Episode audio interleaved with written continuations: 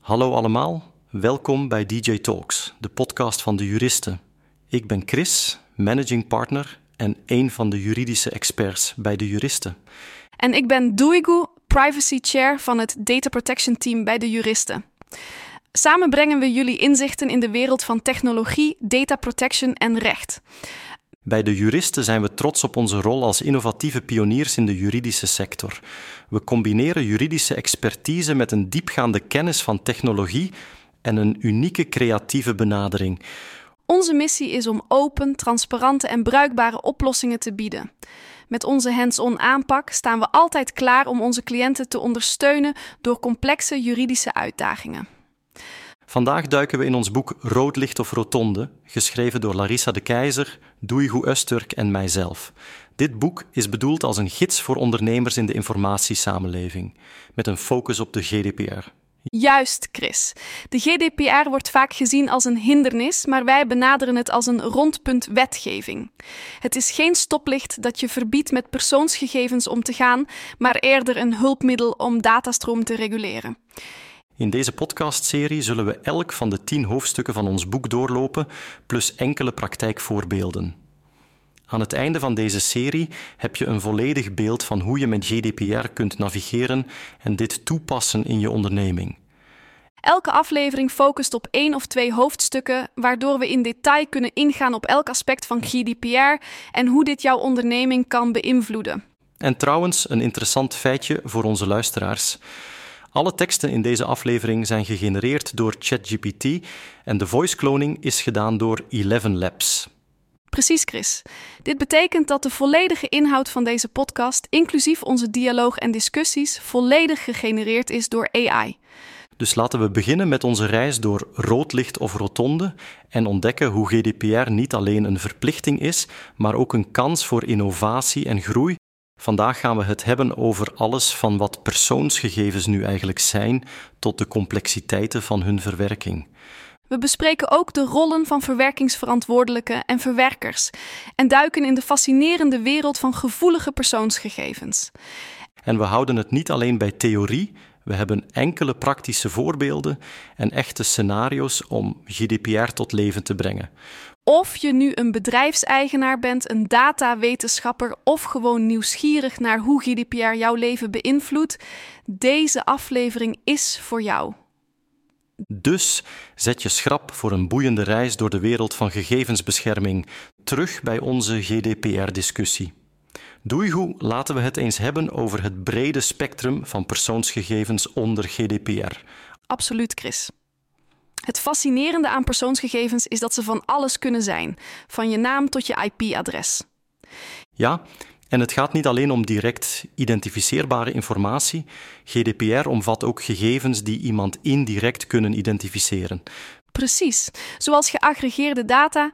Je zou denken dat ze anoniem zijn, maar als ze kunnen worden teruggebracht tot een individu, zijn het nog steeds persoonsgegevens. Kun je hier een concreet voorbeeld van geven? Zeker, Chris. Laten we e-mailadressen als voorbeeld nemen. In ons boek hebben we het over hoe iets eenvoudigs als een e-mailadres een persoonsgegeven kan zijn. Oh ja, dat was een interessant punt. Je bedoelt hoe een henkatdejuristen.be een directe link naar een individu is, terwijl contact@dejuristen.be dat niet is. Maar als we weten dat contact@juristen.be beantwoord wordt door Henk, dan is dit natuurlijk ook wel een persoonsgegeven, al is het op een indirecte manier. Precies. Dit toont aan dat GDPR zowel gaat over direct identificeerbare informatie als gegevens die iemand indirect kunnen identificeren. En het gaat verder dan alleen e-mailadressen, toch? GDPR omvat een breed scala aan gegevens, van bankgegevens tot de locatiegegevens van je mobiel. Dat is correct. En het bijzondere is dat GDPR niet alleen betrekking heeft op data die we dus onmiddellijk linken aan individuen. Zoals we bespraken, vallen gegevens van bedrijven of rechtspersonen meestal buiten de scope, tenzij ze aan individuen kunnen worden gekoppeld. Inderdaad. GDPR is echt een allesomvattende benadering van privacy gericht op de bescherming van individuele personen. Het maakt GDPR tot een complex maar cruciaal onderdeel van onze digitale interacties. Het beïnvloedt bijna elk aspect van hoe we met gegevens omgaan. En daarom is het zo belangrijk dat iedereen, van bedrijfseigenaren tot de gemiddelde internetgebruiker, begrijpt hoe GDPR werkt. Helemaal mee eens, Chris. Doe je goed. We hebben het gehad over persoonsgegevens, maar laten we nu ingaan op iets meer gespecialiseerd, bijzondere persoonsgegevens. Ja, Chris, dat is een boeiend onderwerp. Deze categorie gegevens is echt gevoelig en bijzonder. We praten dan over zaken als gezondheidsinformatie, ras, politieke meningen en zelfs seksuele voorkeuren. Precies, en uit onze ervaring weten we hoe belangrijk het is deze gegevens extra te beschermen. Gezondheidsgegevens bijvoorbeeld zijn extreem gevoelig en GDPR behandelt deze met bijzondere zorg. Inderdaad, en laten we de biometrische gegevens niet vergeten. Die kunnen uniek iemand identificeren, zoals met vingerafdrukken of iriscans. Dat brengt ons bij een ander belangrijk punt: verwerking. In de praktijk betekent verwerking echt alles wat je met persoonsgegevens doet, toch? Absoluut. Het gaat om acties zoals het verzamelen, bijwerken, opslaan en zelfs vernietigen van gegevens.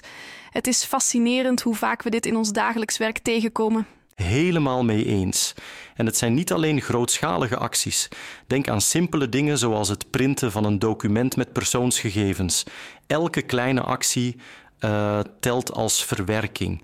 Ja, en dat is waarom GDPR zo ingrijpend is. Het beïnvloedt bijna alles wat we doen met gegevens, van het raadplegen van klantgegevens tot het sturen van marketing-e-mails. En daarom is het zo essentieel om bewust en zorgvuldig te zijn in hoe we met persoonsgegevens omgaan. GDPR is niet alleen een set regels, het is een manier van denken. Precies, Chris. Laten we het nu hebben over de rollen eh, binnen GDPR, zoals de verwerkingsverantwoordelijke. Ja, de verwerkingsverantwoordelijke speelt een cruciale rol. Dit kan een individu, bedrijf of overheidsorgaan zijn dat bepaalt waarom en hoe persoonsgegevens verwerkt worden.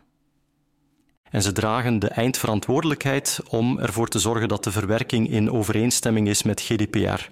Dit zien we vaak in onze praktijk, niet waar? Zeker. En dan hebben we de verwerker die persoonsgegevens verwerkt namens de verwerkingsverantwoordelijke. Denk aan een sociaal secretariaat dat personeelsgegevens verwerkt voor een bedrijf. Precies zoals in ons voorbeeld waar de juristen NV een sociaal secretariaat inschakelt voor personeelsadministratie. De juriste NV is de verwerkingsverantwoordelijke en het sociaal secretariaat de verwerker. En het is belangrijk dat er een verwerkersovereenkomst is tussen deze twee. Dit is een GDPR-verplichting om de modaliteiten van de verwerking te regelen. Dit zorgt ervoor dat de verwerker niet meer doet met de gegevens dan wat hem is opgedragen. GDPR legt de nadruk op duidelijke afspraken en verantwoordelijkheden. En dan zijn er nog hybride situaties. Een organisatie kan zowel de rol van verwerkingsverantwoordelijke als verwerker hebben, afhankelijk van de specifieke activiteit. Zoals een webdeveloper die klantgegevens beheert als verwerkingsverantwoordelijke, maar tegelijkertijd als verwerker optreedt voor het hosten van klantwebsites.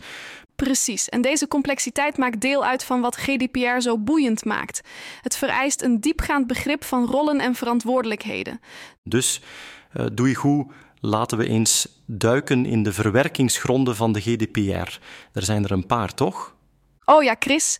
Minstens één verwerkingsgrond moet aanwezig zijn als je met persoonsgegevens wilt werken. Laten we beginnen met de meest voor de hand liggende toestemming.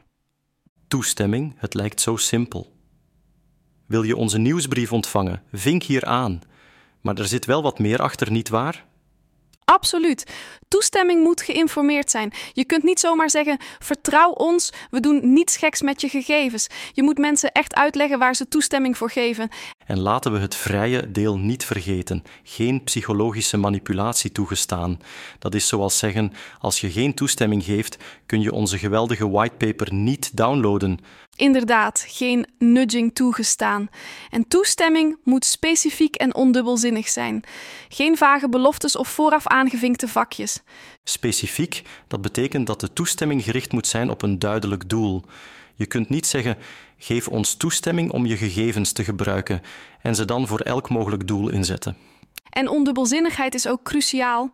De betrokkenen moet een duidelijke en actieve handeling verrichten die aangeeft dat hij of zij instemt. Bijvoorbeeld door het aanvinken van een vakje op een website, de zogenaamde opt-in. Dat is als het uitdrukkelijk zeggen: ja, ik ga akkoord, in plaats van uh, een vooraf aangevinkt vakje dat eigenlijk zegt: als je niets doet, gaan we ervan uit dat je akkoord bent. Precies. Het gaat erom dat de betrokkenen werkelijk de keuze heeft en die keuze duidelijk maakt. GDPR draait echt om het beschermen van die keuzevrijheid en duidelijkheid. En dan hebben we nog noodzakelijkheid voor de overeenkomst. Dat klinkt als iets uit een juridische drama.